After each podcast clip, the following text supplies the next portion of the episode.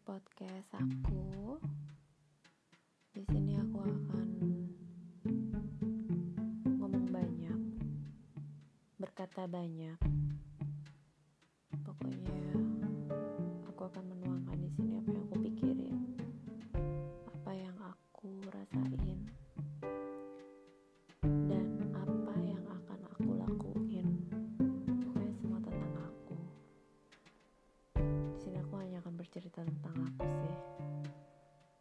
gitu.